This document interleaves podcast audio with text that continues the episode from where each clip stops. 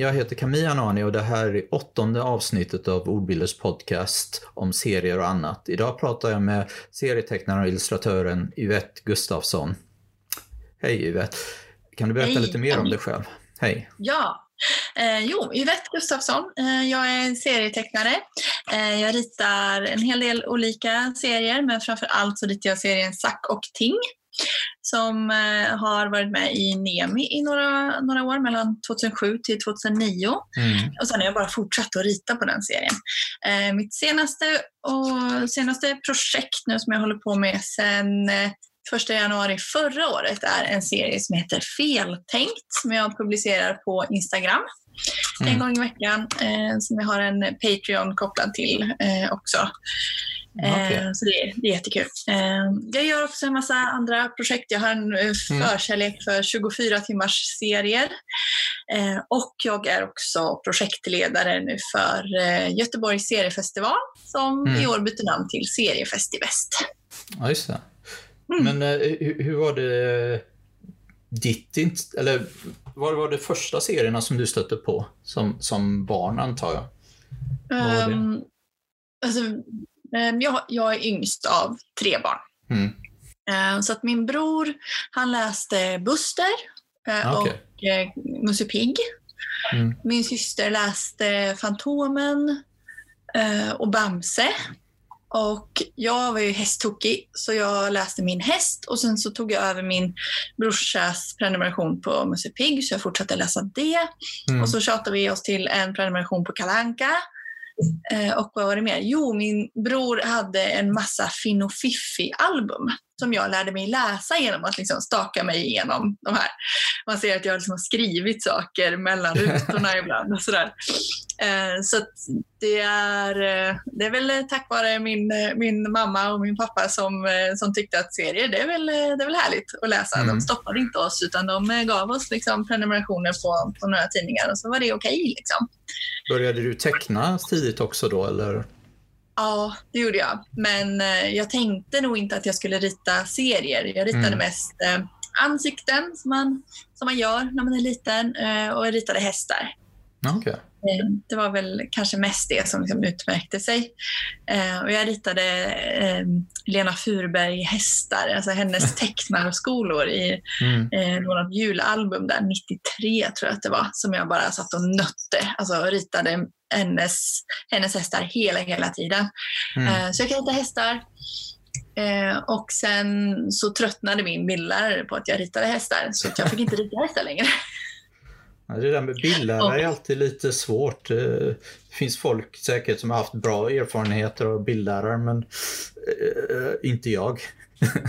Ja, nej, fast jag ändå liksom... Alltså han kunde ju motivera varför jag inte skulle rita hästar. Han var Mm. väldigt så här, "Ja, men du kan rita hästar. Jag har sett dina hästar och jag är så Mm. jäkla trött på dem. De är jättefina, men jag är trött på dem. Eh, så jag skulle vilja att du gör någonting annat. Och då började jag titta lite mer på de andra serierna som jag Mm. läste. Och så hittade jag bilder som jag gillade och så började jag rita av egentligen. Så, Mm. eh, för att liksom få ett annat tankesätt än att det bara skulle vara hästar, hästar, hästar hela tiden. Mm. Eh, Så då så liksom leddes jag in på det och sen så blev det på något sätt att jag slutade rita hästar helt. Eh, Jag kanske tolkade min bildlärare fel, att jag var tvungen att sluta helt. Eh, Men det gjorde jag i alla fall. Och sen efter ett par år när jag ritade hästar igen, då hade jag en liten, liten egen stil där. Jag ritade inte Lena Furberg-hästar längre, utan jag kunde kanske rita lite eh, på lite eget sätt i alla fall. Mm. Men när, när började du rita någonting som kan, kan kallas serier eller kan vara åt det hållet? Att vara mer berättelser? Mm, det var nog... Eh, jag kommer ihåg att jag ritade en serie när jag gick i lekis faktiskt. Var Mm. väl sex år. Sådär. Och jag minns inte varför jag ritade den. Jag tror inte att det var en uppgift att vi skulle rita en serie, men jag bara gjorde det. Och så, jag tror att det var en jättesorglig serie om två hundar och en hund dog eller något sånt där. Ehm, den kanske finns kvar någonstans i någon låda Mm. någonstans. Men, men jag tror att, det var, att den liksom inte mottogs så himla bra. Eller det var någonting där som inte var så Jaha. positivt. Så att jag, liksom, jag fick ingen energi till att fortsätta, men jag Mm. hade energi till att läsa serier. Och sen så minns jag inte att jag gjorde någon mer serie förrän jag sökte in på serietecknarskolan i Hofors. Och det var då 2004. Men hade du eh, gjort någonting åt bildhållet på gymnasiet också då eller?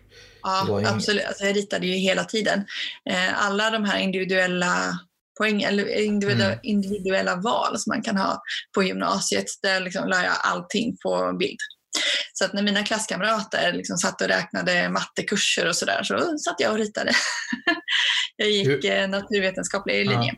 Hur upptäckte du Hofors? Var det liksom eh, det på var- nätet eller var det något annat sätt? Eh, Det var på nätet. Jag hade inget internet hemma till att tala om egentligen. Mm. Så jag satt hemma hos min pojkvän som jag hade då. Eh, De hade, de hade internet. eh, Och så satt jag bara och googlade hela dagarna. Jag sökte egentligen en massa jobb. För att Mm. jag hade ett, ett sabbatsår mellan gymnasiet Eh, eller efter gymnasiet eh, kanske man ska säga. Eh, det jag liksom gav mig ett år ledigt, för jag orkade inte plugga vidare ordentligt. Eh, tanken var väl att jag skulle bli arkitekt, men så satt jag där och letade jobb och eh, letade massa andra saker och så bara snubblade jag över det här serietecknarskolan i Hofors och jag bara Mm. oh my god, ja det här ska jag ju söka. Och så var det ju så att Hofors, det var två års utbildning och arkitekt var fyra och ett halvt då. Och jag som Mm. var lite skoltrött, jag bara, två år låter nej, det låter lagom. så då sökte jag och Ja. så kom jag in. Vad, vad är det som eh, ingår i den utbildningen? Är det lite mer praktiskt eller teoretiskt? Eller? Det är ju både och. Och det var det som Mm. jag tyckte var väldigt skönt med Hofors. Att det inte bara var att göra serier, utan det var också Mm. Seriehistoria. Eh, Johan Höjer, vår rektor och lärare, var ju väldigt intresserad av att liksom prata om serier och serietecknare. Mm. Eh, så han eh, hade många föreläsningar med oss där han bara berättade om allt möjligt. Bara korvstoppning liksom. Eh, och det tyckte jag var nice. Jag tycker om eh, historien, eller historierna bakom serierna också. Mm. Hade ni, Mm. liksom, fick ni göra projekt eller så? Vad, had, eh, för, när ni var där eller hur fungerade det?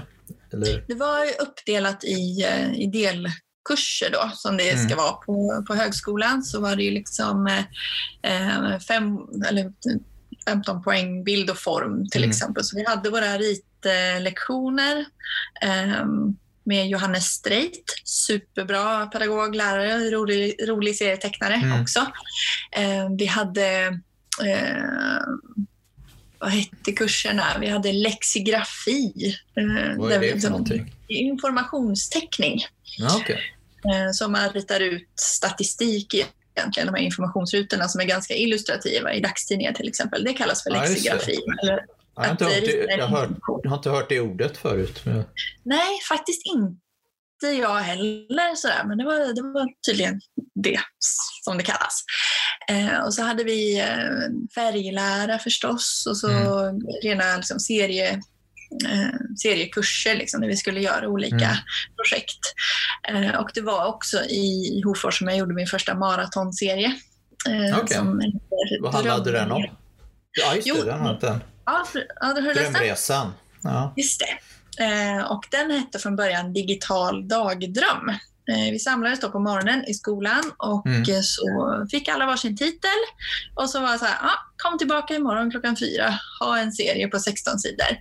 Eh, och alla var vettskrämda. Eh, men jag satte igång eh, och det, jag bestämde liksom den här formen att liksom varje sida skulle vara fyra avlånga rutor. Mm. Eh, och sen så var det bara att sätta igång liksom, utifrån den titeln. Och ibland visste jag inte vad som skulle vara på nästa sida, ibland inte ens i nästa ruta. Jag bara så matade på. Mm. Liksom.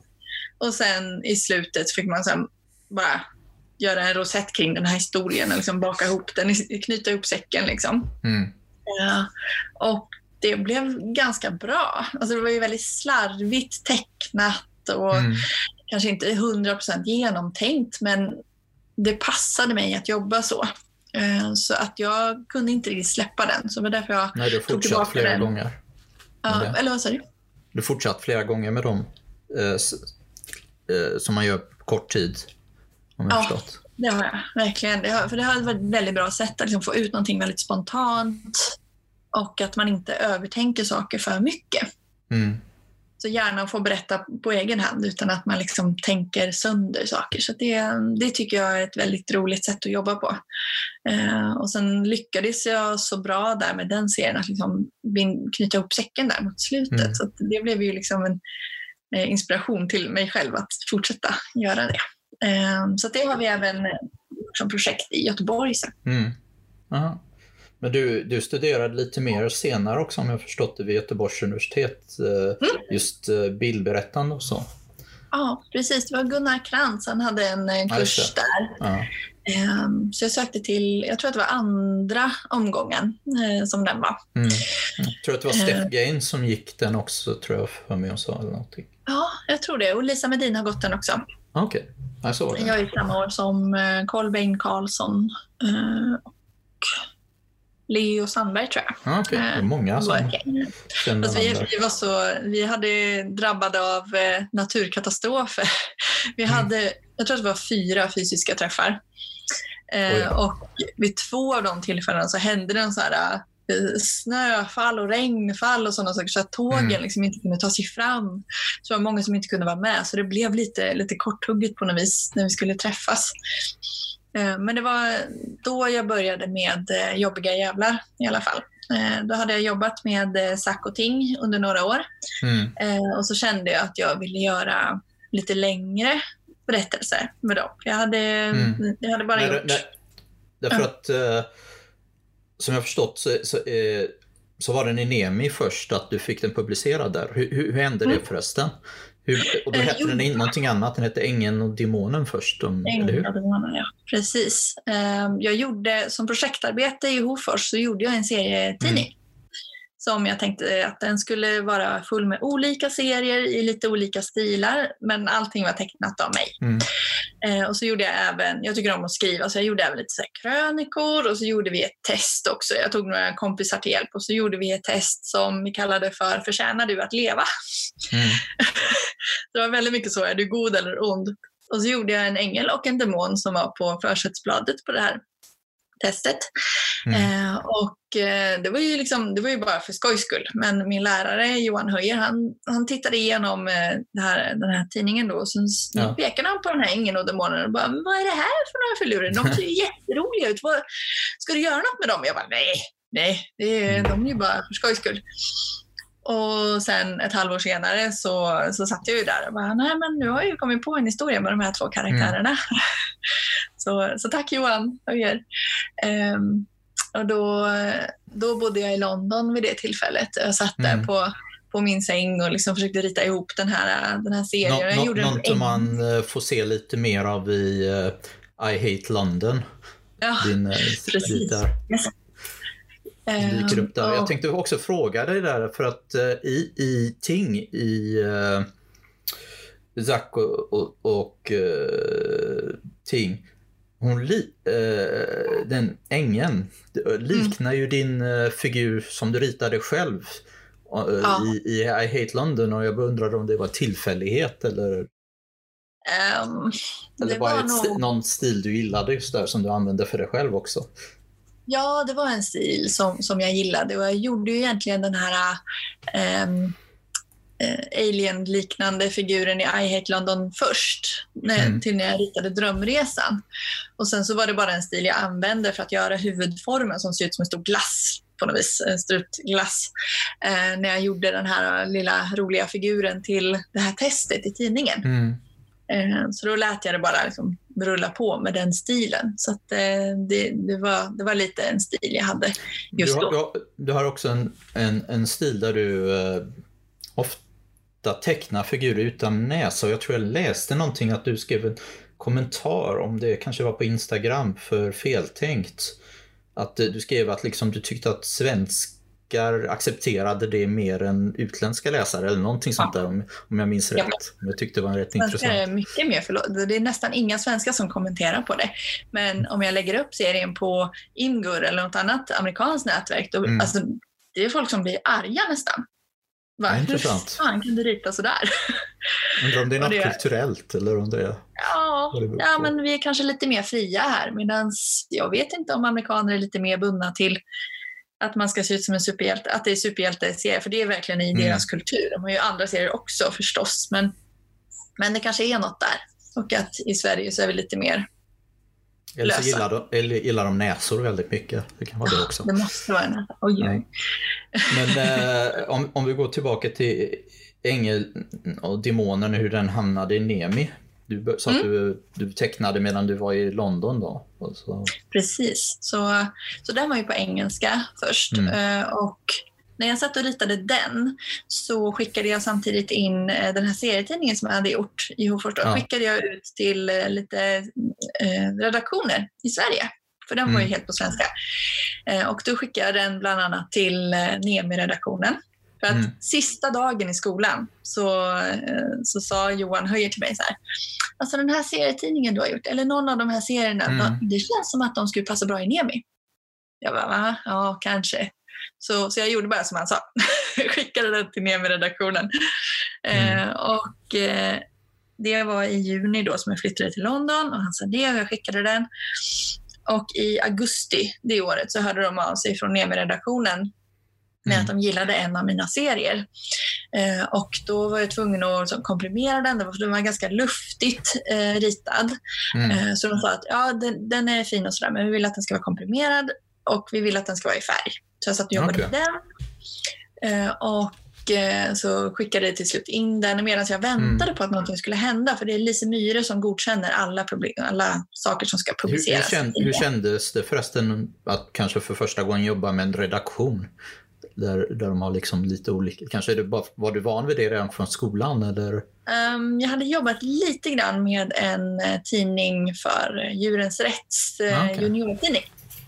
Så det var inte första gången jag jobbade med Mm. en eh, redaktion eller en redaktör. Men Ja. eh, det var nog första gången som det var liksom mitt helt eget seriematerial. Mm. Tror jag. Okej.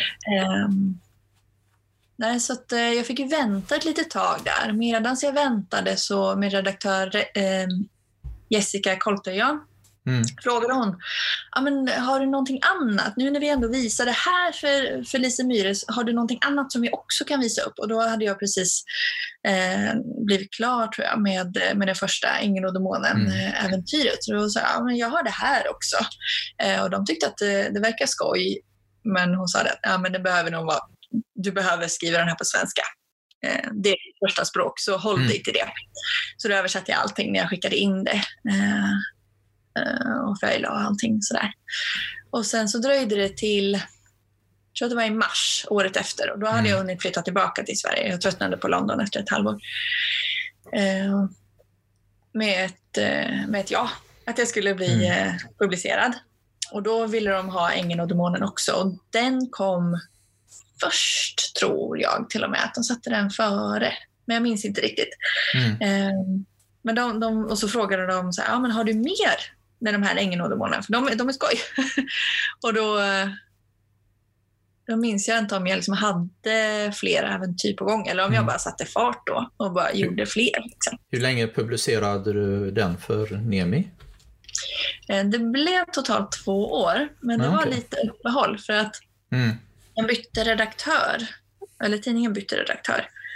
Och när en tidning byter redaktör då kan det bli ändringar. Eh, Ja. Redaktören Ja, gör ju liksom sina val och som ska Mm. vara med och sådär. Eh, så då eh, var jag inte med längre Mm. ett tag. Och sen så dröjde nästa bokmässa. Eh, då var det nog så att jag var i närheten av eh, deras monter. Mm. Schibsteds monter var det. För de hade inte Okej. blivit uppköpta av Egmont. Det här var, in, det här var när de var på Schibsted. Mm. Och eh, Lisa Medin, hon kände hon som var redaktör för Nemi, för de hade bytt igen nämligen. Mm. Eh, så hon bara, vet, kom nu pratar vi. pratar vi med nya redaktören. Jag bara, "Ah, okej då. Eh, och så den här nya redaktören, var det Karin? Ja, Karin kanske.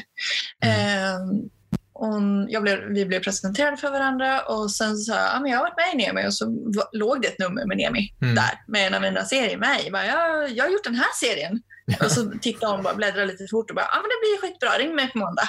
Mm. Okej. Det är Eh, kul när det går så snabbt. Ja men visst, ibland är det, ibland är det nästan det bästa.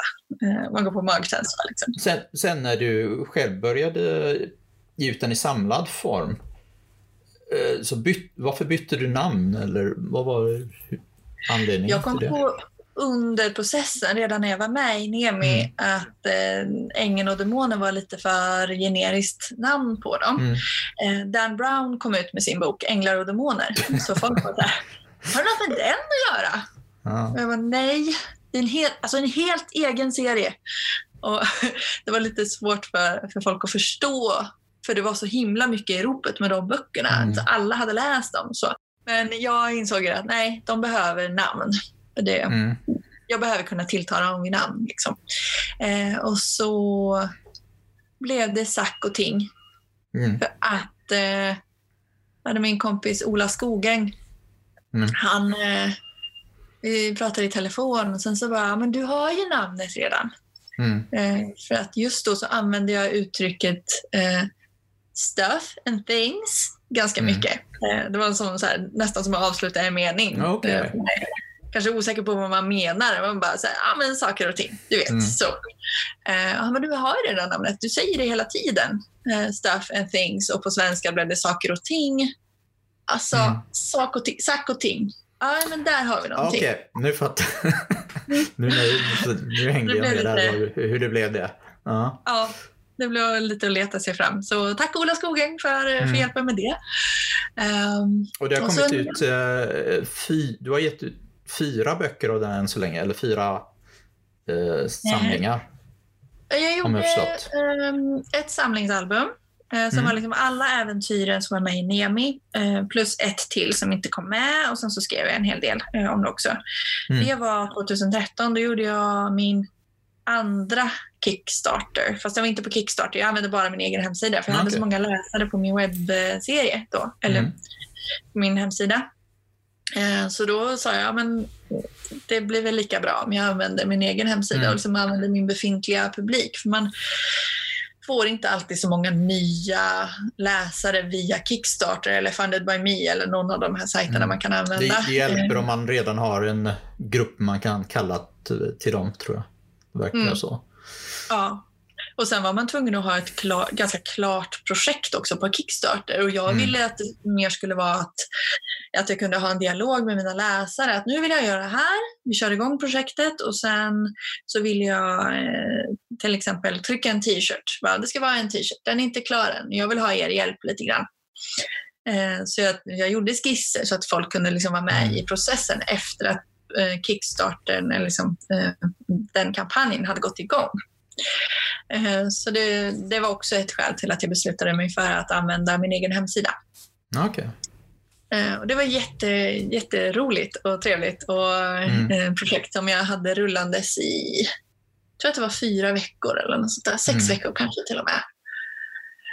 Och det funkade, funkade jättebra, det var jätteroligt. Ehm, Och under tiden där, långt innan, 2009 redan, Mm. då hade jag börjat med Jobbiga jävlar.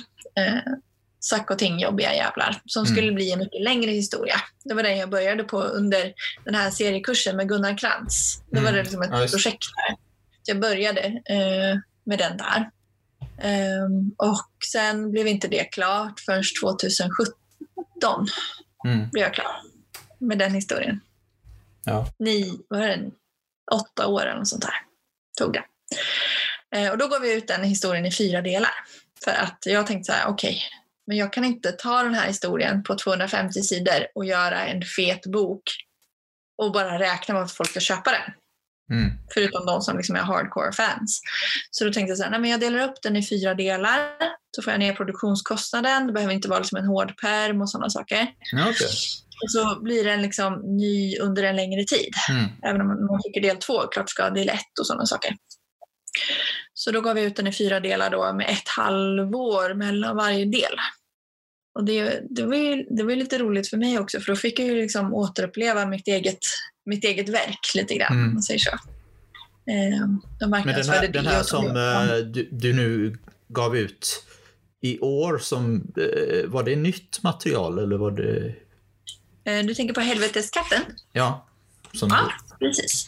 Eh, Så att, eh, när, när, har- när har gått ett tag, jag släppte ju det fjärde delen av Sack och ting jobbiga jävlar 2018. Sen är jag alltid massa saker på gång, men så gror det i bakhuvudet sådär att du borde, du borde göra något, ska du inte göra Mm. något? Eh, och så i december när jag stod och skulle sälja serier på en designmarknad i Nordstan här i Göteborg och det var ganska dött med folk. Liksom. Det var inte så mycket folk där på dagarna. Så då började min hjärna jobba helt på egen hand och säga Mm. ah, men nu är det dags att göra ett äventyr. Så jag gjorde små miniatyrer, eh, tumnaglar med den här nya historien. Mm, Och okej. då jobbade jag lite grann som en eh, maratonserie där också. Att ja, men, gör en sida i timmen eller något sånt där. Mm. Fast de var pytte, pyttesmå och jätteodetaljerade. Bara mata fram och liksom, ja, jag ska ha Ja. 24 sidor i det här. Ja, jag, jag, Ja. tittar, jag har ju läst igenom den lite snabbt. Eh, eller lite snabbt, jag har läst den lite. och Jag tycker det var intressant att eh, det, om jag inte visste om det, är både en Bill eh, Buscemi-referens där i och en Findus-referens. Ja, absolut. jag tycker om att använda mig av populärkulturella markörer. Det har alltid Mm. varit så i saker och ting.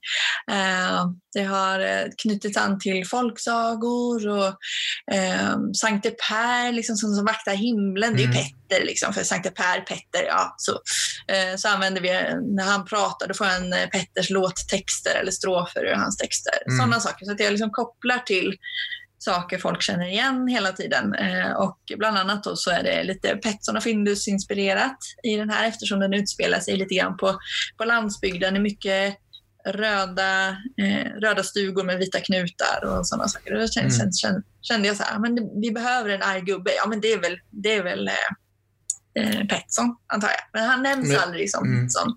Men Nej, den som nej lär. Men eh, du har också lite, sånt jag märkte, i, brukar lägga till lite sådana här texter i, i början av saker och, Mm. eh, och lite, även i feltänkt. Så det var lite intressanta texter som du lägger till efter serien som utvecklar lite mer och eh, lite mer och lite blandat eh, vetenskapligt och lite blandat eh, annat. Ja, Nej, men jag tycker om när det liksom knyter an till någonting. Så att man antingen känner igen sig i någonting eller att man lär sig någonting. Jag gör ju vetenskapsserier också Mm. som är till utställningar eller till astronomiserier till tidningen Populär Astronomi. Så jag tycker om när liksom Mm. saker har äh, fäster i någonting. Är det, är det Ehm, serier eller illustrationer du gör för pop, eh, för eh, jag här, det, det är för uh, För populär astronomi? populär astronomi, förlåt, eh, Ja. som du har gjort lite. Eh, det. Det, är- serier. Så jag gör, eh, det kommer ut fyra nummer per år och då gör jag en Mm. hel sida eh, om något nytt ämne inom astronomi. Senaste numret som kommer ut i september, början på september, så kommer nästa nummer. Det handlar Okej. om eh, diversifiering inom den professionella astronomivärlden. Mm. Och då kan jag knyta an till andra saker inom eh, populär, eh, populärkulturen. Eh, Sci-fi-filmer. Mm. Ehm, Den här gången så knyter jag an till She-Ra och prinsessrebellerna. För att det är, ja men det handlar om, det är lite sci-fi, Mm. det är lite rymd i She-Ra. Då kan man få in det. Och så är det bra diversifiering i den här nya tv-serien som går på Netflix. Eh, så då, då kan jag liksom använda min persona där, det är liksom en berättarröst. Mm. Eh, då klär jag ut den till Shira och så berättar om någonting och så eh, berättar om eh, fakta inom astronomivärlden samtidigt som man väver ihop med, eh, med fiktion hela tiden. Jag gjorde lite research här och tittade lite på vad det stod om det du gjorde för populärt. Så dök det också upp här, lite om det här att du gjort några sådana här projekt som Hej Fisk och så för, eh, Mm. som för utställningar och sånt där. Har det också Ja. varit eh, åt eh, serievägen eller är det mer illustrationsjobb eller vad har det Nej, det har varit eh, mycket serier eh, Mm. faktiskt. Ehm, jag gjorde den här utställningen Hej Fisk då till Sjöfartsmuseet Akvariet. Och det var, när var det? 2010? Okej. Nej, 2014 var det, förlåt. Um, och det var tack vare Seriefrämjandet. Uh, för Mm. Sjöfartsmuseet Akvariet, de visste att de ville göra en utställning. De hade jobbat på informationsmaterialet i ett år eller två. Uh, Mm. Och sen så hade de en tanke om att de ville, istället för att det bara är bilder på väggarna med en bildtext, ja, men vi skulle vilja förklara liksom mer koncepten. Så att de ville Mm. ha det som, serier, men de kan inte teckna serier. Så de var tvungna att ha tag i en serietecknare. Så de kontaktade Seriefrämjandet i Malmö och pratade med Jamil. Mm. Och han gav dem tre namn. Ett av dem var mitt. Okej. Och så ringde de upp mig och eh, jag fick komma på, på intervju. Och jag hade lite egna idéer. Eh, blev inspirerad Mm. redan på plats. Och, ah, man skulle kunna göra det här och det här. Och, eh, det här skulle vara kul. Kan jag få göra det?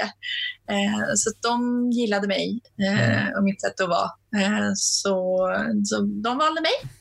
Jag, jag Eh, såg också att du gjorde någonting för Universium. Var det på liknande väg då? Eller? Eh, Det kom tack vare att jag hade gjort den här Hejfisk. faktiskt. För Då var det liksom en stor utställning, den stod i ett år. Och det var, det var massor med olika stationer, men mycket av det var liksom hela serier som förklarar till exempel människans utveckling från någon slags fiskdjur till människa. beskrev jag i en serie. Eh, och också andra saker som eh, hur näringsväv fungerar, eh, hur fiskindustrin fungerar, liksom sätta in det i lite mer så här, Mm. kontext liksom, i, i ett skeende snarare än bara fakta. Ehm, så då kunde jag liksom använda det projektet till att marknadsföra mig mot andra som gör ungefär samma sak. Så jag skickade ett nyhetsbrev till Universium Ja, för jag tyckte att de, de verkar intressanta att jobba med. Och eh, då blev det så bra timing att en projektledare där hade Mm. ett projekt där hon liksom inte riktigt ha, hade sista pusselbiten till vad hon ville ha med Mm. eh, i en ny informationsavdelning i rymden eh, utställningen om ljus och strålning från rymden. Okej. Eh, Så det första hon gjorde var att ringa mig och bara, hej, jag har Mm. det här. Jag skulle, om du vill så, så kan vi jättegärna eh, eh, vill jag gärna ha in dig på att liksom göra lite mer serierutor. Och Mm. då jobbade jag med två studenter från HDK. Så de gjorde det som ett studentprojekt och så gjorde jag eh, illustrationerna och serie, Ja, eh, seriebilderna. Liksom. Har du samarbetat mycket med andra när du gjort serier tidigare eller är det, är det svårt att Ehm, göra? Känner du? Mesta, mestadels så gör jag dem själv. Ja. Eh, Men när jag, jobbar med, när jag jobbade med Sjöfartsmuseet Akvariet och Ja. med Universium, då är det ju superviktigt att det blir korrekt. ja, just. Så då kanske jag får ett grundmaterial eh, där det står text och fakta. Eh, och sen så gör jag ett utkast. Och då brukar jag ha fel på en massa punkter. så jag får tillbaka den med en massa post-it-lappar där det bara så här, så här kan vi inte ha det, utan det måste vara så där. Eh, det här var bara nästan rätt och sådana saker. Så Mm. att, eh, där, där har det varit jättekul att jobba med att man faktiskt måste få det rätt. Det kan inte bara vara trams och kul hela tiden. Utan att Mm. Eh, får man till det så att det är fina bilder, det är roligt och det stämmer med faktan, då är Mm. man ju precis där liksom Bamse och Kalle Anka är. Att man lär sig saker när, Mm. man gör, när man läser de här. Ja, Men det gör inte så himla ont. Och man kanske inte fattar att det liksom stämmer till 100 procent, Mm. eller nästan 100 procent, förrän man läser det i en bok kanske tio år senare. Och Ja, då ja. förstår man att ja, ja, men det här kan Ja. jag redan. För, förresten, eh, vad, vad, vilket arbetssätt brukar du föredra? Liksom, tecknar du med eh, riktiga pennor och, eller digitalt? Jag tänkte på att i I Hate London så har du någon scen där du värderade dina pennor väldigt mycket. Så att jag, och jag har tittat lite på dina bilder. Ser det ut som du tecknar för hand, men jag är inte säker. Eller för hand, det gör man alltid för hand, men du förstår vad jag menar. Ja, ja, ja absolut. Eh, Jag har gått över till att teckna digitalt. eh, Mm. Och eh, I Hate London var ett lite så eh, projekt där jag testade att göra svartvita bilder men helt digitalt. Mm. Eh, Så jag tycker om att jobba med 20 24 timmars serier, inte bara för det kreativa utan även att man väljer ett arbetssätt. Och så Mm. blir det begränsat inom det projektet. Eh, Så att eh, om jag väljer att göra en serie som är till exempel monokrom, ja, det ska bara vara blåtoner i det här, Ja. då har jag 24 sidor. Och sen om jag hatar att jobba med det, då är det liksom en avslutad historia så då behöver jag inte tänka på det. Så. Mm. Utan då har jag liksom det utrymmet att liksom lära mig en sak och sen Mm. behöver jag inte hålla mig till det. Sen när det är dags för nästa 24 timmars serie så kan jag välja Ja, något okej. annat att fokusera på. Mm. Eh, och I Hate London var en 24 timmars serie där jag valde att eh, göra eh, svartvita teckningar och Mm. testa att göra den tvåspråkig också. Ja, just det. Jag tyckte det var lite annorlunda att, att läsa en serie som var, använde både tvåspråk. Mm. Och jag funderade på att göra allting tvåspråkigt så att, det till, Mm. så att allting hade motsvarighet. Men jag insåg att det skulle ju bli rutor och bubblor överallt. Det skulle inte bli några teckningar kvar. Så då valde jag istället att göra så att när, eh, när personerna pratade svenska, det här är en självbiografisk historia då, Mm. då pratar de svenska och sen översätter jag till engelska längst ner på sidan. I övrigt så är allting på engelska. Ehm, Det är ett sätt som, som man gör mycket i Finland, vad jag har hört. Det var Okej. eh, min vän Sofia Falkenham, vi delade eh, Mm. kontor. Just vid det tillfället så, så sa hon att eh, när jag funderade på, liksom, eh, berättade vad jag funderade på, vilket problem jag hade, då sa hon att ja, men i Finland då gör man så här ibland. Att Mm. man översätter det till engelska längst ner på sidan bara. Och jag tänkte att ja, men så skulle jag ju kunna göra. Så att jag liksom eh, delar in det på det sättet istället. För det finns ju hur många sätt som helst att göra en sak på. Så, Ja, så valde jag det- här. Har du, jobbat du har inte jobbat så mycket med självbiografiska serier väl? Det, jag har bara Nej. sett den här men... Ja, precis. Det är eh, Drömresan var den första, men den är inte helt självbiografisk. Okej. Den, är, mm, den är delvis självbiografisk och sen så är det rent hittepå för att jag hade ju Mm. bara 16 timmar på mig så jag var tvungen att hitta på något ibland. Ehm, men sen så var det Hate London. Den är helt eh, självbiografisk. Ehm, För de som inte vet, kan sen- du, kan du berätta lite snabbt vad, vad den handlar om? Självklart. Det är eh, då historien om hur jag som nyutexaminerad från serietecknarskolan i Hofors tänkte att the Mm. world is my oyster och eh, Sverige det är för litet om man vill jobba med något kreativt. Man kommer aldrig få något jobb. Jag ska åka iväg till London. Det kommer bli perfekt. Eh, det är ingen annan i hela världen som har fått den idén. Ehm, så, så jag åkte dit med stort självförtroende som snabbt plattades ut. Mm. Eh, Men jag var där i ett halvår i alla fall eh, och det blev ingen serietecknare av mig där. Eller jag jobbade inte så mycket med serier där men jag gjorde mina första Mm. steg ändå till, eftersom jag gjorde eh, de här äventyren som hamnade i Nemi. Sen satt jag ju och kämpade, mig ur, kämpade ur mig där. Eh, och sen alla upplevelser som jag hade från London Eh, helt galet halvår men eh, jätteroligt och väldigt lärorikt.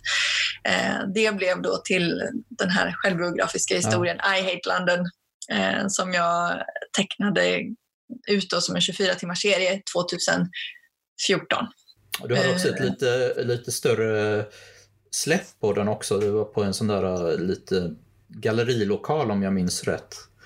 Precis. Jag och Steph Gaines, vi hade, vi hade gjort varsitt seriealbum som vi släppte ungefär samtidigt. Så då tänkte vi så här att ja, men vi kan väl ha en releasefest och då tror jag vi hade haft båda våra böcker ett tag egentligen, men vi ville Okej. bara göra någon, någon rolig fest.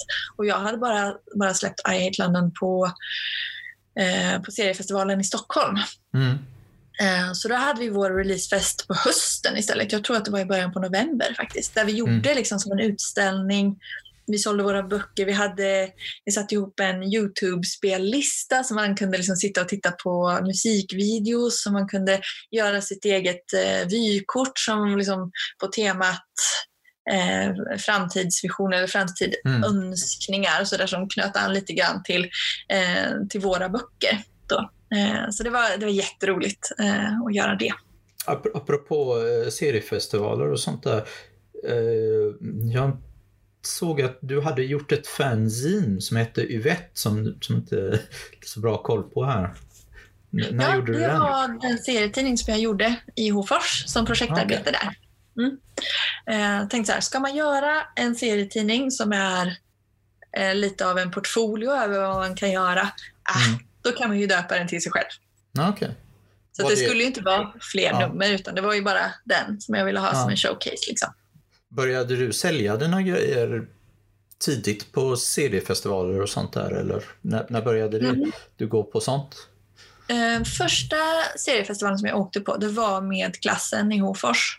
Mm. Eh, så det var då eh, andra terminen Eh, Så det var våren 2005. Då var jag på SIS första gången. Okej. Eh, Och det var ju hemskt. Jag hade något litet fanzine som jag hade liksom kopierat Mm. upp på skolans kopiator och jag var jättenervös. Och jag hade med mig kanske, jag vet inte ens tio stycken tror jag. Mm. Eh, jag tror jag sålde två eller något sånt där. Hade, hade den redan börjat bli rätt stor vid det laget eller var det många som, som var där och sålde då? Ja, eh, det var det. Fast då var vi liksom i, vi hade in, det var inte samma yta som det är idag, utan vi Mm. var ju samlade kring rulltrappan. Hade de Ja, just det. Mikael Sol nämnde någonting om det också, den Ja. trappan. Ja. Och det var supertrångt och jättejobbigt att vara där Mm. Och sen var det tanken att hela klassen, eller hela skolan egentligen, det var ju två klasser Ja. som gick, att det skulle vara liksom rullande schema på vilka som satt vid bordet. Mm. Eh, så man hade i alla fall det och liksom, eh, att liksom fästa sig vid. Men så var det några som satt bara, men vi tar alla timmar. Och så sa Mm. de bara, ni andra ni kan göra vad ni vill. Du, Och det är inte nödvändigtvis ja, en bra grej. fortsätt.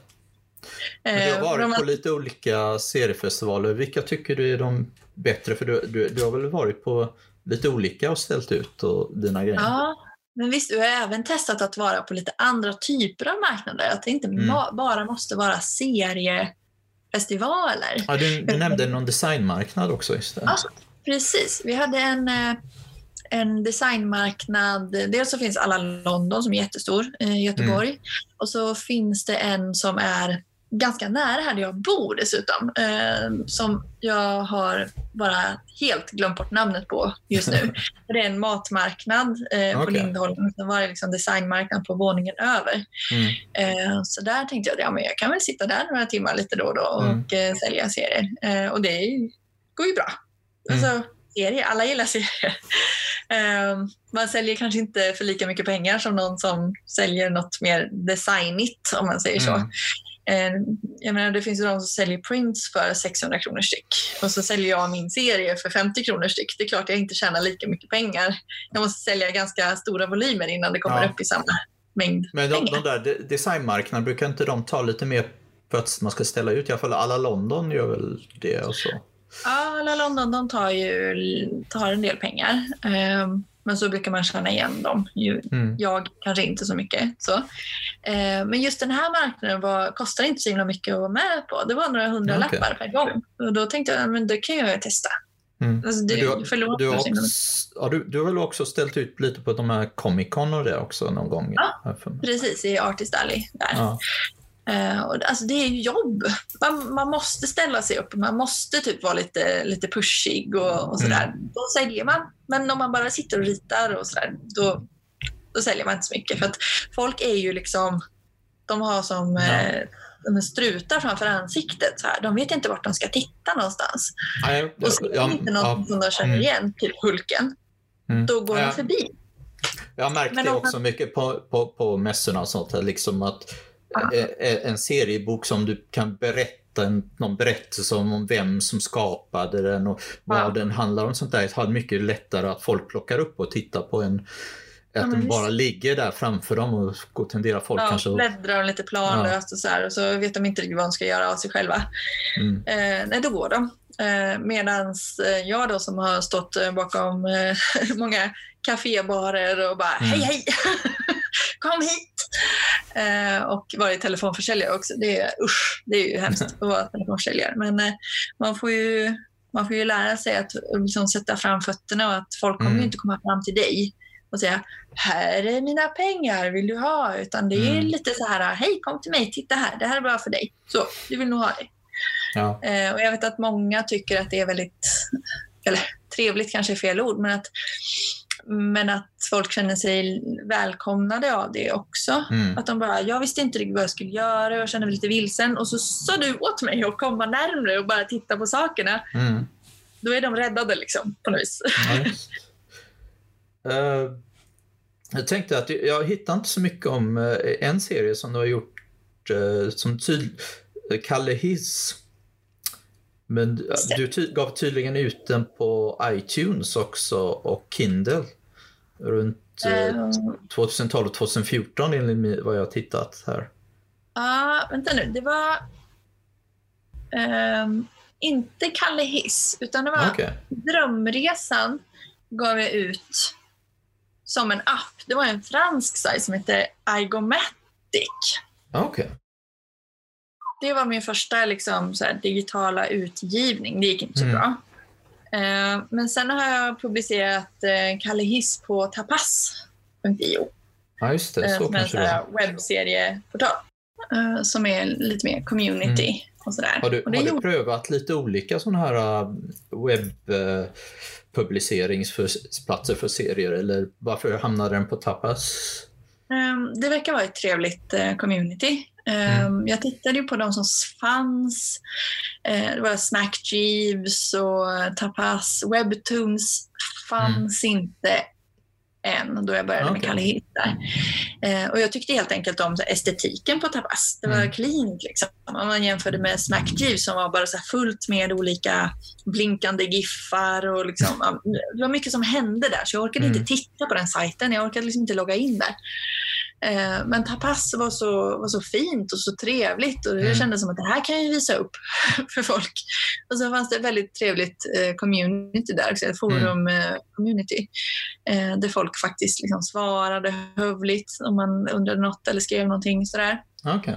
Var det lätt att, att få att synas där också eller hur får man Får du folk reda på, är det dina tidigare läsare som du får att titta på där eller äh, går det att få nya läsare där lätt? Ja, det var nästan bara nya läsare. Eh, och de har ju i, i forumet så var det så här, ja men de här trådarna, här kan ni liksom bara skamlöst marknadsföra er själva. Mm. Helt okej. liksom. Så om man var med i forumet och skrev en massa där så fick man ju lite nya läsare på grund av det. Eh, och det var ju, ja, nej, men det var jättetrevligt. Men sen så, så födde jag barn. Mm, Mm. Och så tappade jag lite grann det där. Och så vet jag, det var många som, som lämnade Tapas för att eh, Ah, okej. de ändrade på, på deras sätt eh, För- för den- med rättigheter och sådär. För den typen av sidor är det viktigt att man publicerar regelbundet eller? Ja, det, är det, väl. det kan vara ganska bra att säga att ja, men den här kommer komma ut varje tisdag. Mm. Eller sådär. Eh, Men sen å andra sidan så, så tror inte jag att det är så farligt för jag vet också att det är många som, som sparar. Att de Mm. inte går in och läser varje vecka, speciellt om det är en serie som är i längre format. Då kanske de sparar i några månader så att de får, Mm. får mer sidor att läsa per gång istället. Vilken sorts serie var Kalle Hiss då? En strippserie det också, Ja. som jag började på när jag gick i Hofors.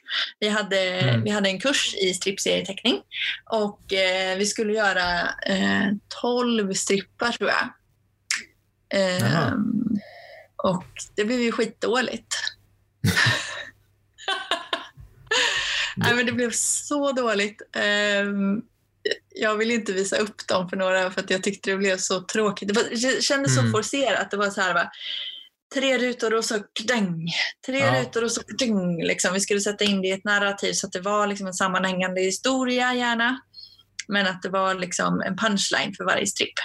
Mm. Eh, Det är ett och- annorlunda sätt att arbeta på som man inte är van vid det så kanske blir extra. Ja, eller det är väl ett sätt att strukturera upp det Ja. så att man får liksom ett världsbygge där och att det inte bara är liksom lösryckta eh, strippar och så.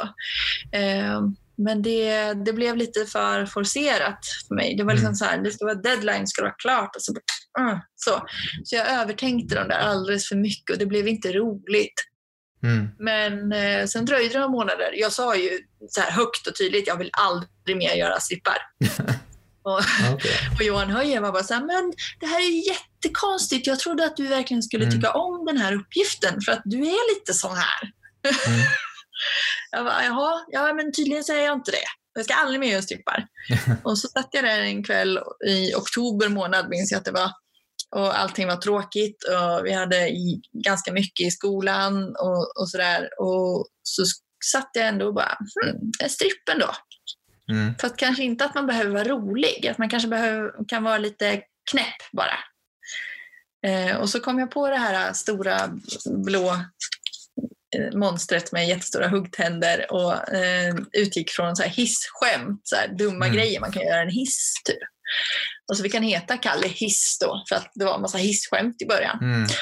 Eh, och det var jätteroligt att jobba med den här knäppa blå figuren som bara aldrig fick det 100% rätt. Det var alltid något som var lite fel. Liksom.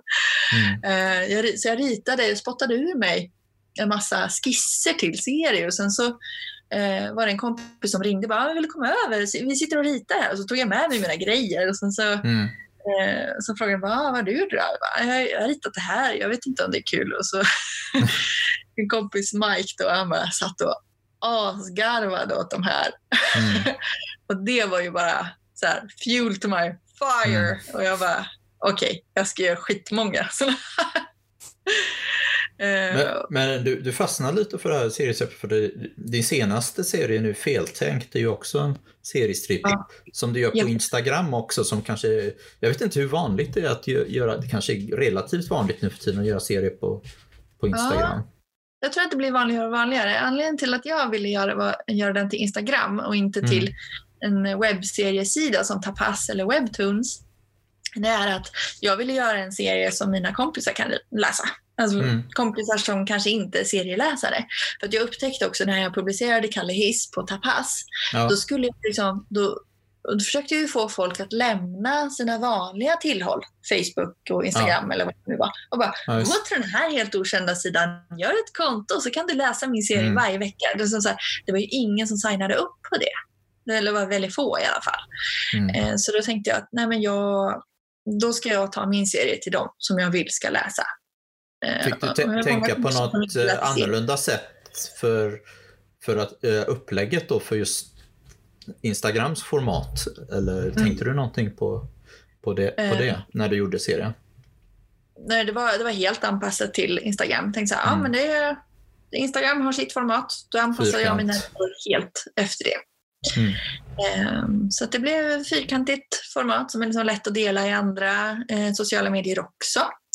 Eh, så jag delar ju den samtidigt på Facebook eh, och sen så nu publicerar jag den också, den engelska översättningen på Webtoons också. Mm. Eh, och jag har inte så många läsare på Webtoons för att jag tycker det är lite, lite svårt. Så Det är inte ett communityforum sådär. Eller så har jag Ja, bara missat en stor del av Webtoons. så jag, Mm. jag fattar inte riktigt hur man får nya läsare på Webtoons. Uh, tyckte det var lite, lite klurigt sådär. Men på Instagram går det jättebra. Mm. Eh, För då gör jag ju ett inlägg i veckan på tisdagar, jobbigaste dagen i veckan. Eh, Och sen så kör jag stories däremellan. Så att jag har ju som Nu fått en liten community där Ja, nu, som följer. nu kommer inte jag ihåg hur, eh, exakt hur det var upplägget på Instagram. Stod den här, eh, för jag såg, eh, tittade lite på samlingsalbumet, eh, albumet, eller vad man ska kalla det. Och där fanns Mm. det rätt mycket text under. Fanns det med på Instagram? Eller inte? Jag kommer inte ihåg. Ja, jag skriver ju alltid ett inlägg på Instagram. Eh, för att jag har oftast en tanke bakom serien Mm. som jag inte kan låta bli att skriva om också. Varför jag har gjort just det här. Och liksom, ibland kanske det har hänt någonting i, i verkligheten som jag liksom har Mm. gjort min egen version av eller en kommentar på. Och så där. Då, då vill jag ju skriva någonting om det. Eh, Hur skulle du beskriva feltänkt eller säger, titeln allting där? Eh, ja, den är, den är delvis självbiografisk om hur man ibland tänker fel. Det, Mm. ja, det är väl en ganska kort och bra beskrivning eh, av det. Och de flesta tänker fel eh, någon gång. Mm. Ehm, och eh, ja, det blir, det blir ganska Ja, mycket igenkänning för många. Mm. Mm. Ja, det, Så man kommer tillbaka det, till jobbet eller ja. vad är adressen till den på Instagram? Är det bara din, ditt namn Eh, eller hur? var- Nej, det är feltänkt. Alltså feltänkt. Feltänkt. Ja. Feltänkt. Ja, jag tänkte ju fel där. Att eh, OÄ funkar ju inte. Så att, Ja, men, det. ja, det är så det är. Jag tänker fel hela tiden. Du skriver Det är alltid förresten. min liksom, ja. go-to. Om någon bara, men hur har Ja. du tänkt här? Bara, ja, nej, jag tänkte fel. Helt enkelt. Nej, Jag eh, har ingenting med saken att göra, men, men, eh, du skriver med U ibland ditt namn sånt där på vissa sidor. Gillar du att le, leka lite med sånt? Ja, um, Uvette var ju ett smeknamn som jag fick i Hofors. Ah, okay. Ehm, och eh, när jag skulle signa upp mig, eller göra en egen hemsida, en personlig hemsida Mm. då, som portfolio, då Yvette var ju upptaget, alltså Okej. den vanliga stavning. Det var ju Mm. hur upptaget som helst. Det var, och så var det dessutom någon så här uh, bridal shop med tusen olika färger på typsnittet. Sådär, så jag, självklart. okej, jag måste nog särskilja mig lite så att Ah. folk inte råkar hamna på den här sidan. Så jag gjorde Mm. lite, lite research. Bara, vart vill jag att folk ska hamna, även om de skriver lite fel. Ehm, så att Yvette funkade inte. Och då tog jag det smeknamn som jag hade just då, Yvette. Mm. Eh, funkade bra. Eh, ibland funkar inte Yvette heller. Eh, och då går jag ännu längre tillbaka i tiden och eh, tar ett annat smeknamn som jag Mhm. hade i gymnasiet och det är iWet. eh, som jag har på Twitter. Då. Ah. Eh, Så, jag, ja, jag tänkte fråga att jag, jag hittade lite att du hade gjort några, jag vet inte om det här var lite småserie eller vad det är. Dryg kopp kaffe till Wish. Som jag inte... Jag såg lite någon bild bara. Det verkade lite mer, om man skulle säga, mer realistiskt tecknad. I alla fall på det, framsidan. ja, precis. En dryg kopp kaffe och Wish också är också 24 timmars serie. Okej. Mm, En dryg kopp kaffe, den gjorde jag eh, inte i ett svep utan jag hade eh, tio dagar ungefär Mm. eh, där jag skulle jobba jätte, jättemycket. Jag jobbade på café. Eh, så jag jobbade otroligt mycket. Jag skulle jobba många dagar i sträck. Och Okej. under samma period så skulle 24 timmars eh, serie, alltså det internationella eventet Mm. ske. Och eh, jag hade först sagt, men nej, men jag ska, jag ska inte göra något, jag ska inte göra något, för jag har inte tid, jag ska jobba så himla mycket. Och sen i sista sekund bara, jo, men jag ska göra, men jag tar dem och gör dem liksom när jag orkar, för jag måste ju sova också och sådär när jag ska Jag jobba de här dagarna. Eh, Ja. Och sen så passade det bra också för att eh, min pojkvän, han eh, skulle vara bortrest. Mm. Så då passade det bra att jag liksom gjorde den då. Så jag gjorde en historia om att eh, vara en kreativ person som tänker sig att man ska sitta på café och jobba. Lite Ja. romantisk dröm om att sitta och skriva lite avslappnat hela dagarna på café. Mm. Och sen hamnar man på andra sidan baren för att man måste betala hyran också. Eh, Så det var Ja. hög igenkänning för mig och säkert för andra Mm. också. Eh, Och den serien eh, ritade jag rent sen och färglade i monokrom stil. Så blåa toner i hela för att det Okej. skulle vara som en drömlik värld också. Att allt, det Mm. började hända lite konstiga saker och sådär. Eh, Så det var, det var ett ganska roligt projekt. Och den skickade jag också in till Comixology Submit, alltså där, Mm. eh, den delen av Comixology där man som indieskapare kan skicka in sina Okej. material. Finns många av dina serier på Comixology, eller? Eh, det finns te- tre. Tre grejer finns där. Det finns Kalle Hiss. Jag har gjort ett par deckaräventyr med Kalle Hiss. Mm. Eh, De är inte så djuplodande, men de, de är bara så fantastiska som Kalle Hiss kan vara. Hur han kommer Mm. på saker som ingen annan kan komma på. Eh, han är lite inspirerad av eh, långben på något vis. Där. Hur han bara så här, använder sin alldeles egen logik för att komma fram till hur saker Mm. funkar. Och det brukar funka. Eh, ibland dåligt, ibland bra. Är det svårt? Eh, och- Jag tror jag frågade Tinette också om det, men eh, eh, eh, det fin- finns någon, finns någon prövning eller sånt där? Är, är det svårt att få sina serier eh, in på Comixology? Eh, Man måste eh, ansöka. Det måste passera några, några trösklar Mm. om man säger så. Dels så ska den vara eh, kvalitetsmässigt eh, bra. Och så, så ska språket vara bra. Ja. Det får inte vara massa felstavningar och sådana saker. Eh, så att en dryg kopp kaffe måste det vara- blir inte Ja, godkänd faktiskt. Okej. Förlåt. Nej, jag tänkte bara säga att om måste det vara på engelska eller finns det något sånt krav? Eller? Eh, de har en fransk sajt också. Okej. Ehm, så att, eh, men när jag skickade in mina serier så var det bara den amerikanska sajten. Eh, så då var det ju engelska, liksom, för de kan inte godkänna en serie som är på ett språk som de inte förstår.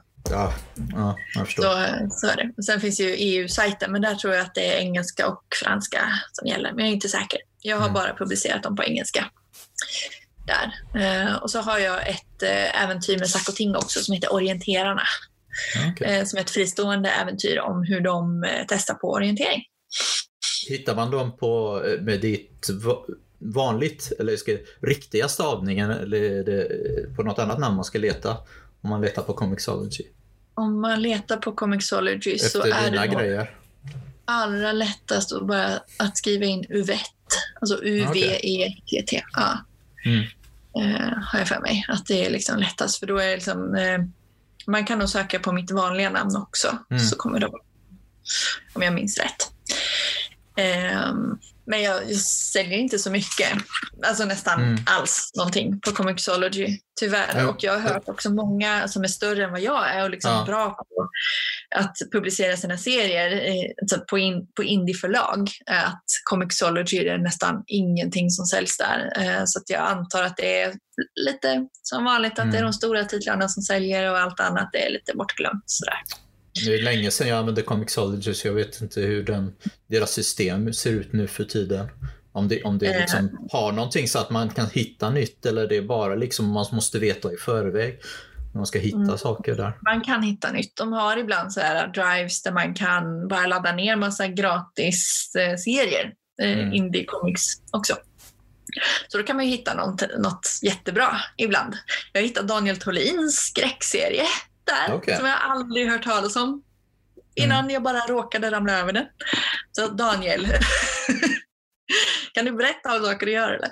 Är det, Eh, är det a, a, nya grejer då? Är det inte det han gav ut på albumförlaget och så då? Eller? Nej, nej, utan det är något amerikanskt eh, flagg. Nu kan jag, minns Ah, okej. inte riktigt eh, vad den heter. Jag, jag kan leta reda på den och skicka den till dig Mm. senare. Eller en länk till den. Men, eh, så, så lite sådana saker kan man hitta lite då och då. Man måste ju Mm. leta lite. Ehm, Det är ju som vad som helst liksom, med Mm. webbserier och allting. Man måste ju leta sig fram i den här djungeln och liksom bara låta saker kastas över en Ja. och så se om man gillar det. Och, ja, ja, leta igenom lite, testa Mm. lite nytt. Liksom. Ap- apropå, Och då har inte jag varit så bra på att få folk att liksom testa min serie. Helt Ja. enkelt. Eh, jag tänkte vi också skulle kanske fråga lite om eh, du har gjort en del arbete också med att eh, arrangera seriefestivaler de senaste året sånt där, genom eh, seriefrämjandet då som projektledare. Bland annat förra året så eh, ordna, Göteborgs seriefestival. Kan du kanske berätta lite mer om det? Japp. Ehm, Jag var ju med och arrangerade serieveckan som var eh, Göteborgs seriefrämjandes Mm. liksom, egen festival som de arrangerade tillsammans med Stadsbiblioteket. Men det var typ tio år sedan. Okej. 2009, 2010 sådär.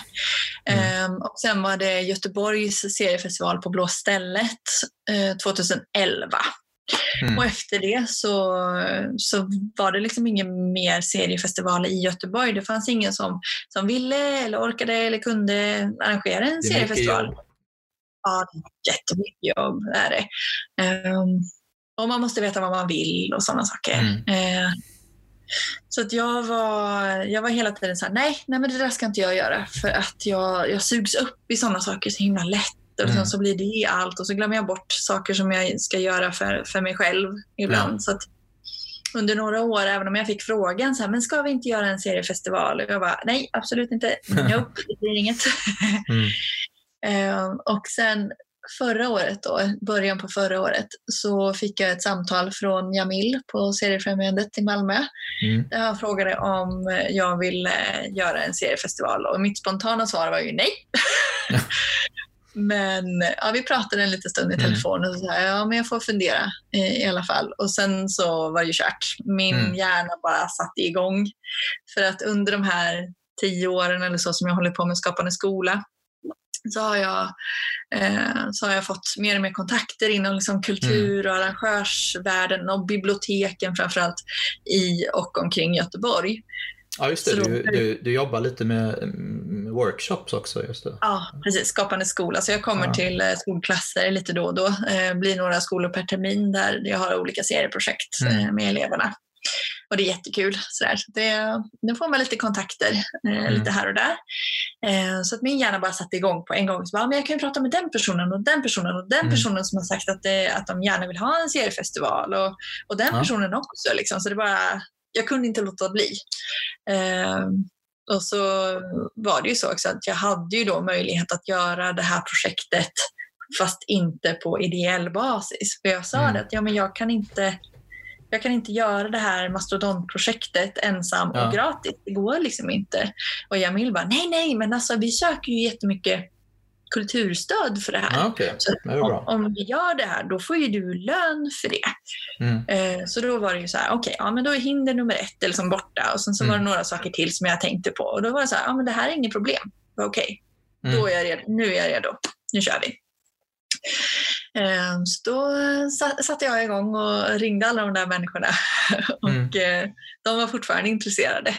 Eh, Och så att steg för steg så tog vi det någonstans och så fick vi lite, lite stöd då från eh, Mm. VGR och eh, en till eh, fond. Då för, eh, Vad, vad, vad var det svåraste vad det gäller arrangerandet? Sånt liksom, var det hitta lokal eller var det att få alla att komma? Eller vad, vad var de svårare bitarna i det? Eller, Det är ju att eh, anpassa vad man vill och mm. vad man kan och vad det finns budget till. Att Liksom ja, okej. få allting och liksom sammanfalla till någonting som man faktiskt vill ha. Mm. Eh, och eh, just med, du nämnde lokal och det, det var ganska svårt att hitta en bra lokal faktiskt. Mm. Eh, dels så ska den ju vara hyfsat central vill man gärna ha. Eh, Ja. Den ska inte kosta för mycket att hyra för då har man inte råd Mm. med det. Liksom. Den ska gärna vara tillgänglig så att vem som helst kan komma in även om man har till exempel rullstol. Mm. Här, man har en liten checklista och då är det så här, nej Ja, inte just. den, inte den, inte dem, inte dem. Och, och sen ska det vara tillgängligt också. Vi skulle ju ha den här festivaldagen 2 november. Jag tänkte så här, höstlov, det blir skitbra. Eh, då kör vi. Och sen så utgick jag från det. Mm. Och de flesta lokaler var ju liksom fullbokade sedan mars. Liksom.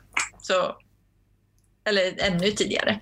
Mm. Så det var ganska svårt att hitta en lokal. Den skulle vara bra storlek också. Lag, inte för liten, inte för stor, för man vill inte stå i en gympasal. Och sen är den bara halvfull, då ser det sorgligt ut. Och så måste man ha en viss storlek ändå. Så det är Mm. många punkter som ska sammanfalla.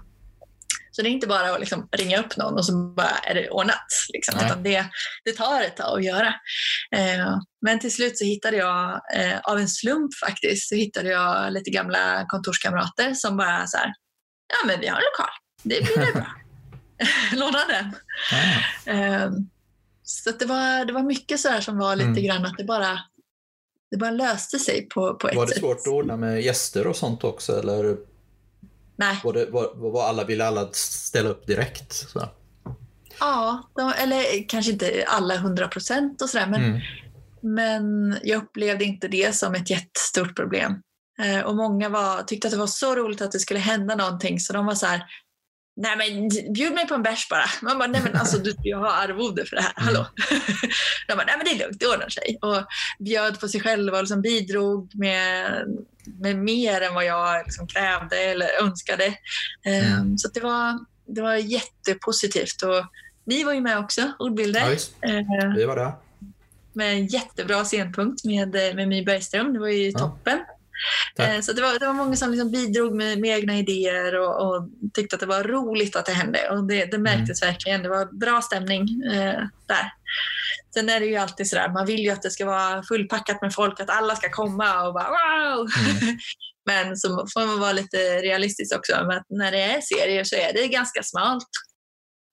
Och det ska passa i deras schema och de ska veta om att det finns. Och även om man sätter upp eh, affischer över halva stan. Vi hade en, eh, en affischerare som liksom kunde sin grej och affischerade och satte upp lite överallt med jämna mellanrum så att det liksom alltid skulle synas och sådär.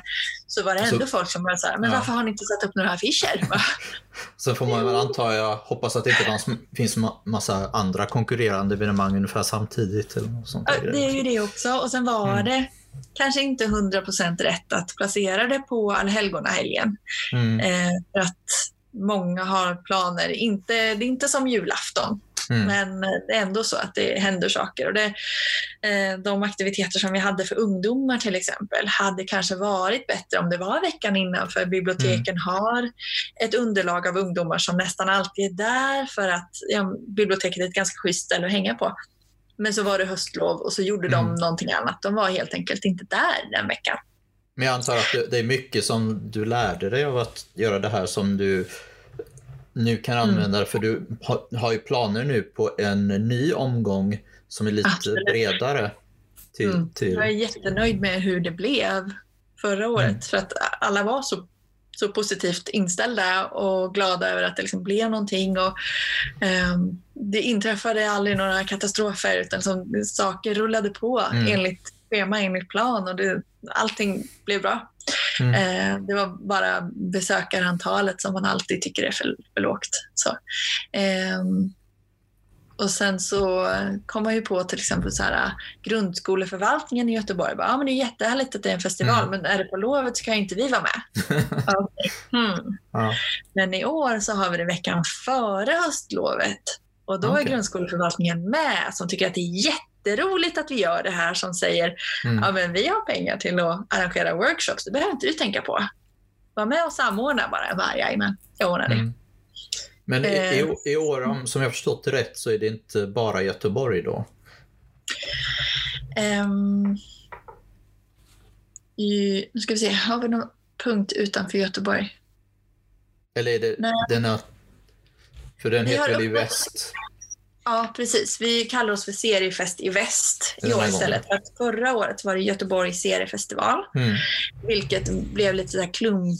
Alltså det var ganska långt, långt och klumpigt namn. Okej, okay, det, det, är så du menade. Det var, inte, det var inte att den ska ha lite mer olika saker utanför, det bara att ni vill ha ett namn som fungerar bättre. Eh, dels det, men så var det också så att vi hade fått stöd från VGR, alltså Västra Götalandsregionen. Ja. Och då är tanken att man ska ha aktiviteter som liksom spänner över hela regionen helst. Eh, okay. Men då var det ju lite svårt för mig att ta mig, jag pratade med till exempel Skövde eller Borås och sådär. Och de mm. bara, ja men det är jättetrevligt med en seriefestival, men vi är inte så intresserade av att vara med i Göteborgs seriefestival vi är ju liksom Borås eller Skövde eller sådär. Eh, så mm. det är vi inte superintresserade av. Så det här var också en sån där, nej, vi behöver, vi behöver nog ändra namnet på den här festivalen om det är så att vi ska vara ute i regionen. Mm. Nu har vi inte fått stöd från VGR i år, vilket innebär att eh, pressen på det, eller det kravet, liksom, det släpper ju lite grann. Så att, eftersom vi inte har fått lika mycket stöd så, så har jag inte jobbat lika mm. mycket ute i regionen i år, tyvärr. Hur, Men hur är, jag hur är det? Ja. Hur har det påverkat att det är coronatider nu så att säga? Är det svårare att göra saker också? Eller? Jättemycket. Alltså det är ju hela tiden sådär, man måste tänka på att ja, det vore ju jätteroligt att ha en utställning med en superkänd tecknare. Men mm. lokalen får inte, knappt inte ta in några, så att mm. då ska vi kanske inte satsa på det. Eh, vi har eh, punkter där man ska sitta ner och lyssna ja, men då får vi inte vara mer än 20 till 30 pers i publiken. Mm. Um, så då kanske man inte ska liksom bränna hela sin budget på det. Liksom, utan man får ta det lite grann för vad det är. Att vi måste hålla igen lite grann. Uh, så att vi har en utställning. Um, och det är jättetrevligt, men det är på ett ganska öppet ställe så att folk liksom går mm. igenom. Så det kommer inte bli sånt tryck liksom på en och samma gång utan den kommer stå under ett par veckor.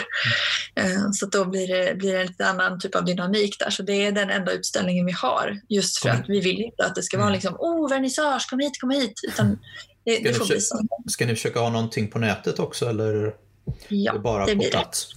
Mm. Yes, och eh, jag har inte gått ut med all information för att jag har några bitar som jag liksom saknar i informationen för Nej, att det ska bli bra mm. kommunicerat. Eh, så att jag, jag väntar lite grann. Men det, det är så här nära att eh, jag bara kan berätta hur mycket som helst. Mm. så, men eh, det blir ju livestreaming också. Vilken sida kan folk leta på senare när de ska hitta information om det finns information på Seriefrämjandets egen hemsida. Alltså. Där vi har en undersida liksom under projekt och mm. evenemang.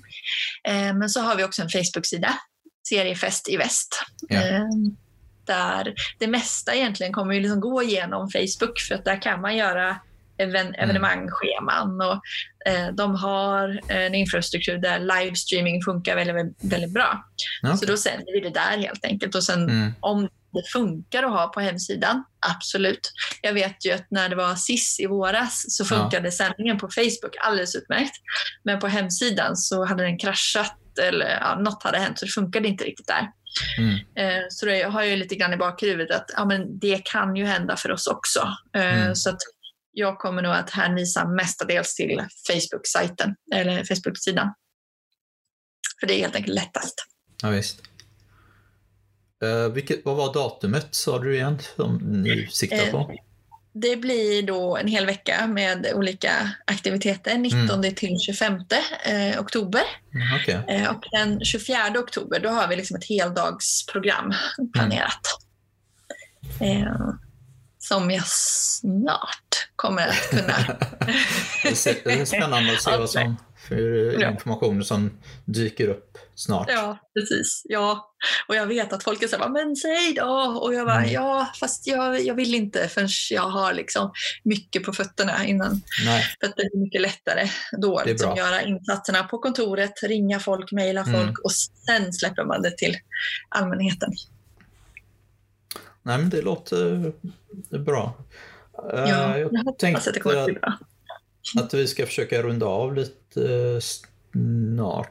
Eh, Har du något mer du tänkte på som du vill berätta eller som, eh, som jag har missat att fråga om?